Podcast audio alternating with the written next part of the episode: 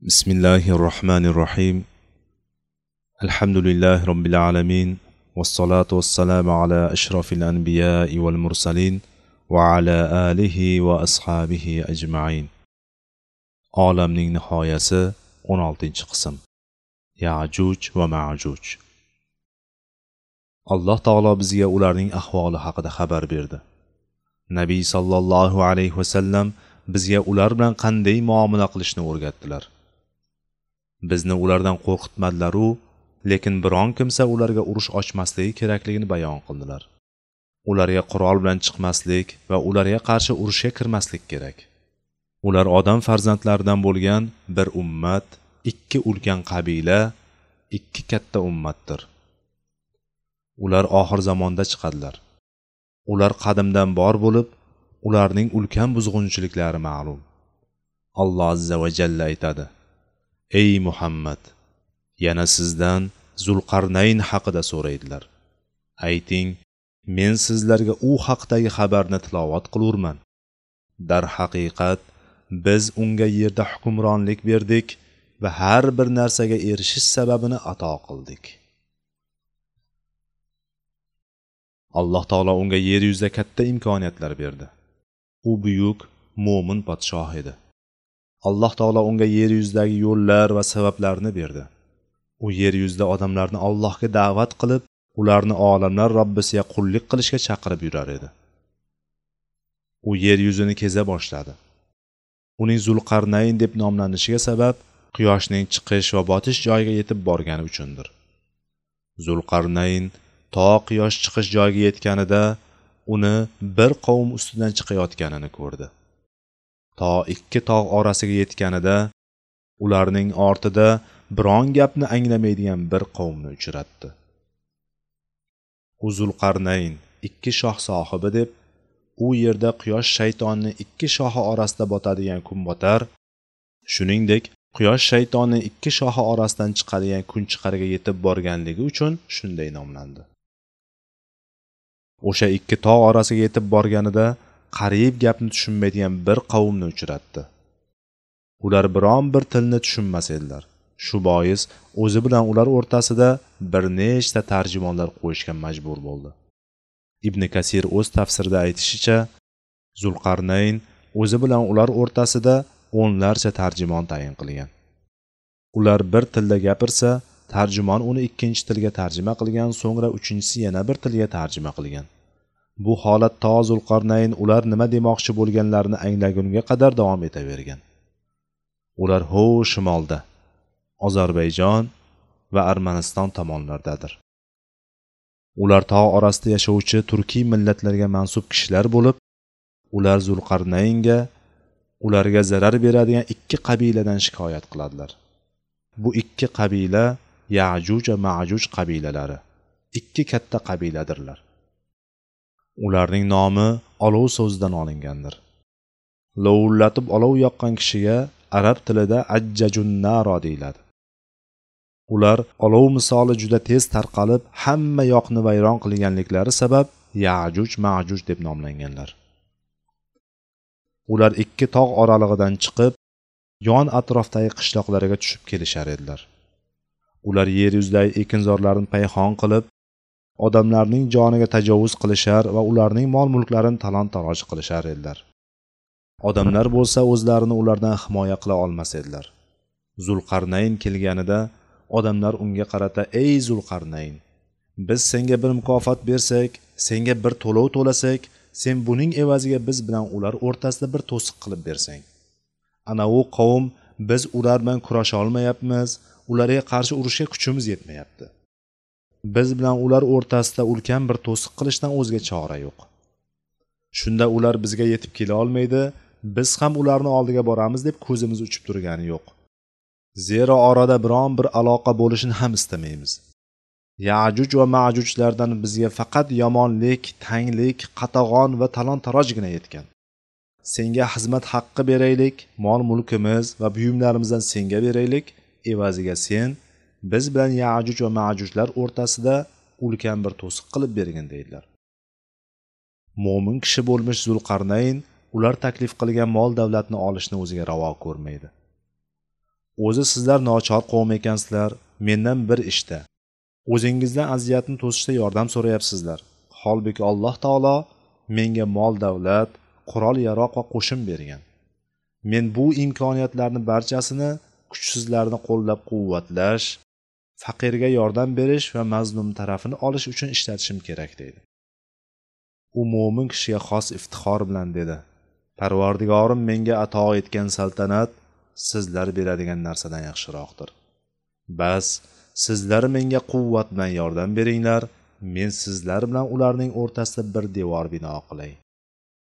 Alloh menga ato qilgan narsa sizlar beradigan narsadan yaxshiroqdir. Men sizlarning mol mulkingizga muhtoj emasman. Sizlarning narsalaringizdan buyumlaringizdan taomlaringizdan behojatman.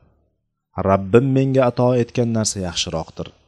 Lekin sizlar menga jismoniy kuch bilan yordam beringizlar.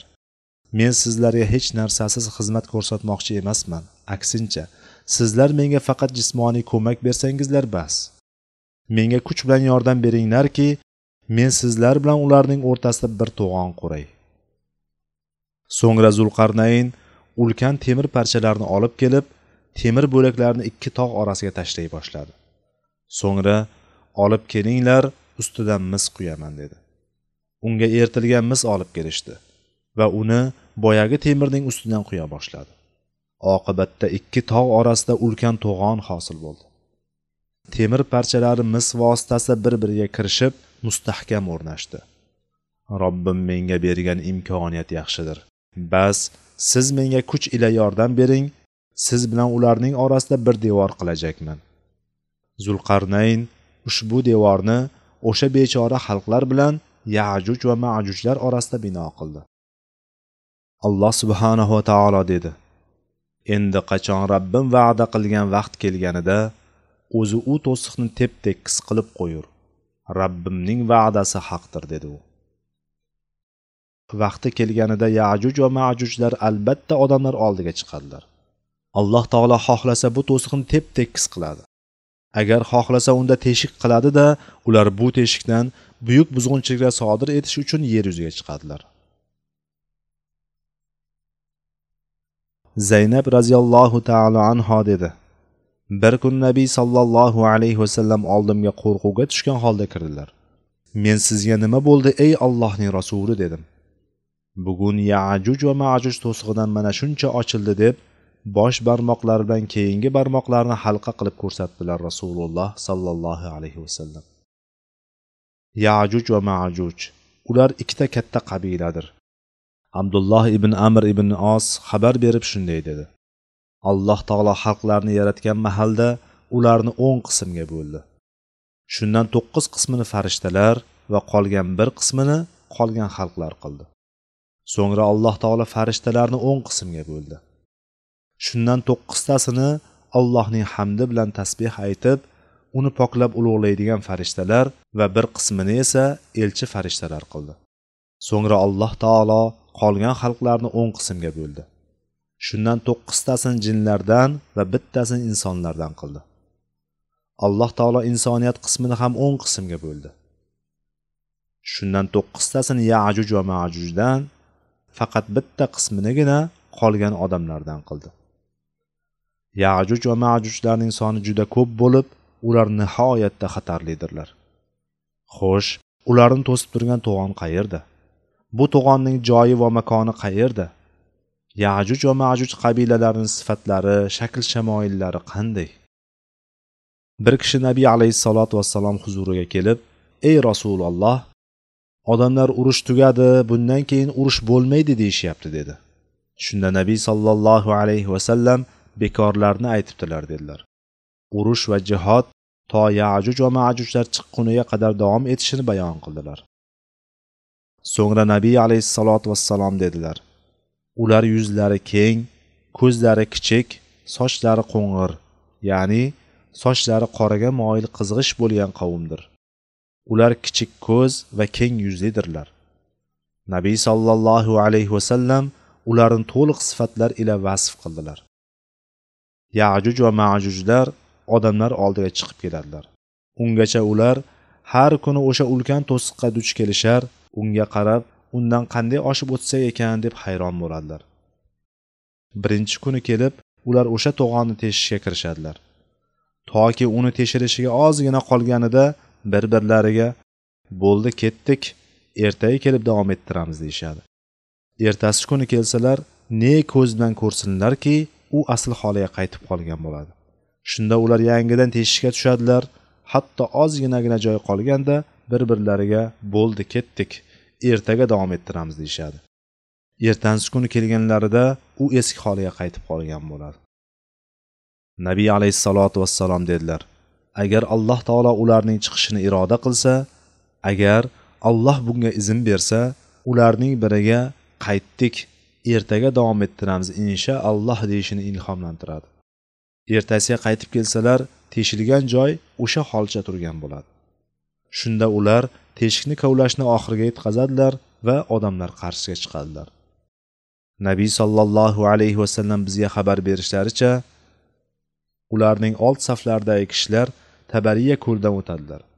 Bu katta ko'l falastinning shimolida joylashgan bo'lib uzunligi yigirma ikki kilometr eni o'n uch kilometr va ayrim joylarining chuqurligi qirq metrdan chuqurroqdir.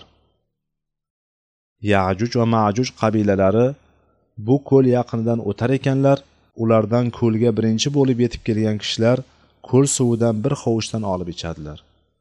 So'ngra ulardan keyingilar o'tib ko'l suvidan bir hovuchdan olib ichadilar. Shundan keyin ulardan keyingilar o'tib ular ham bir hovuchdan suv olib ichadilar. Va nihoyat ulardan oxirgilari o'tar ekan suv tugab bitgan yerga qaraydilar va tuprog'ining namligini ko'rib e ha bu yerda oldin suv bo'lgan ekanda deydilar bu yerda oldin suv bo'lgan ekanda deydilar ular yer yuzida buzg'unchilik qiladilar. Odamlarni o'ldiradilar mol mulklarni talon taroj qiladilar uylarni egalarining boshiga yiqitadilar.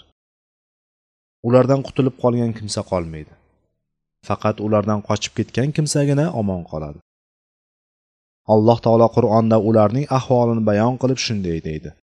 To yajuj va majuj to'g'oni ochilib ular har bir tepalikdan oqib keladigan va haq va'da ya'ni qiyomat yaqin bo'ladigan vaqtgacha ular qaytmaydilar. Ana u vaqtda esa kofir bo'lgan kimsalarning ko'zlari qotib ey holimizga voy bizlar bunday oqibatdan g'aflatda edik. Yo'q bizlar o'z jonlarimizga jabr qilguvchi bo'ldik deydilar. Ey mushriklar sizlar ham allohni qo'yib sig'inayotgan butlaringiz ham jahannam o'tinlaridir. Sizlar u jahannamga tushguvchidirsizlar yajuj va majuj to'g'oni ochilib ular har bir tepalikdan oqib kela boshlaydi. Ularning soni ko'pligidan odamlar o'ngu so'liga qaramasinlar faqat ularni ko'radilar. Qayerga bormasinlar faqat ularni topadilar. Shuning uchun alloh taolo iso alayhissalom va uning ashoblariga vahiy qiladi. Yajuj va majujlar iso alayhissalomning davrida chiqadilar. Ularning soni ko'pligidan alloh taolo iso alayhissalom va uning ashoblariga ularga ya'ni yajuj majujlarga qarshi biror kimsa urush qilmasin deya vahiy qiladi. Imron ibn husayn roziyallohu taolo anhu aytadi biz nabiy sollallohu alayhi vasallam bilan birga safardan qaytayotgan edik. Shunda u kishi baland ovozda tilovat qila boshladilar. Ey insonlar robbingizdan qo'rqingiz. Zero qiyomat soati oldidagi zilzila ulug' dahshatli narsadir. Uni ko'rar kuningizda emizayotgan onalar emizib turgan bolasini unutar va barcha homilador ayollar o'z homilasini tashlab yuborar. Odamlarni mast alas holatda ko'rursiz. Holbuki ular o'zlari mast emaslar lekin allohning azobi qattiqdir. Biz u kishi bizni chaqirayotganlarini angladikda u zotning huzurlariga yig'ildik. U zot nabiy sollallohu alayhi vasallam odamlarni to'planganlarini sahobalarni atrofiga yig'ilganini ko'rgach ularga ulug' bir so'zni aytdilar. Sahobalar rasululloh sollallohu alayhi vasallamning ushbu ikki oyatni tilovat qilganlarini eshitib u zot huzuriga yig'ildilar. Zero qiyomat soati oldidagi zilzila ulug' dahshatli narsadir. Uni ko'rar kuningizda emizayotgan onalar emizib turgan bolasini unutar. Emizayotgan ona bolasini tashlaydi. Va barcha homilador ayollar o'z homilasini tashlab yuborar qo'rquvning zo'rligidan. Qolgan odamlar esa odamlarni mast alast holatda ko'rursiz holbuki ular o'zlari mast emaslar lekin allohning azobi qattiqdir.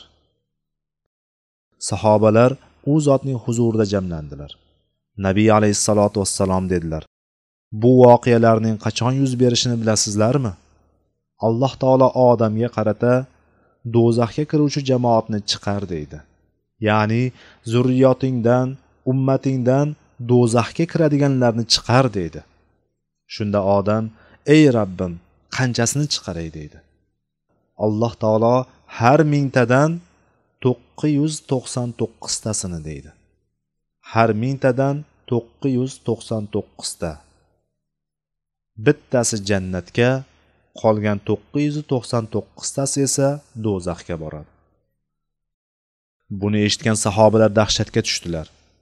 Ular quvnoq xushchaqchaq bo'lsalarda tishlarining oqini ham ko'rsatmadilar. Payg'ambar sollallohu alayhi vasallam ularga har ming kishidan to'qqiz yuz to'qson to'qqiztasi do'zaxga kirib bittasi najot topadi deb xabar berganlarida ular ey rasululloh qaysi birimiz o'sha bir kishi qaysi birimiz o'sha bir kishi deb so'radilar. Shunda nabiy alayhissalotu vassalom javob berdilar. Xursand bo'lingiz xursand qiladigan narsani umid qilingiz. Sizlar biron narsa orasiga kirmasin albatta uni ko'paytirib yuboradigan yajuj va majuj qabilalari orasida qolasizlar. Sizlar odamlar ichida xuddi tuyaning yonboshidagi hol misolidirsizlar tuyaning yonboshidagi kichkinagina qora hol misoli. Xo'sh bu hol tuya terisining qolgan qismiga nisbatan qanchaga to'g'ri keladi? Sizlar qolgan odamlarga nisbatan juda ozsizlar sizlar. Odamlar ichida xuddi tuyaning yonboshidagi hol yoki chorva hayvonining oyog'idagi tamg'a kabidirsiz. Tuyaning egasi tuyaga tamg'a bosadi. U temirni olovda qizdirib kelib muayyan raqam yoki doira shaklini unga bosadi. Bu ish tuyani ajratish uchun qilinadi. Chorva hayvonining oyog'idagi tamg'a kabi ozchilikni tashkil qilasizlar dedilar rasululloh sollallohu alayhi vasallam xullas yajuj va majuj qiyomat kuni hisob kitob qilinadi. Ular odamlar bilan birga mahsharda to'planadilar. Ular ham odam alayhissalomning zurriyotidandir. Ularning nihoyasi qanday bo'ladi? Ularning iso alayhissalomga biron aloqasi bormi? Mahdiy al muntazargachi ular osmon ahliga urush ochganda nima bo'ladi? O'shanda ular qanday aldanadilar? Ular yer ahliga urush qilish bilan kifoyalanadilarmi? Bularning barchasi kechiktirib bo'lmaydigan savollar bo'lib ular bilan tanishib chiqishimiz kerak bo'ladi.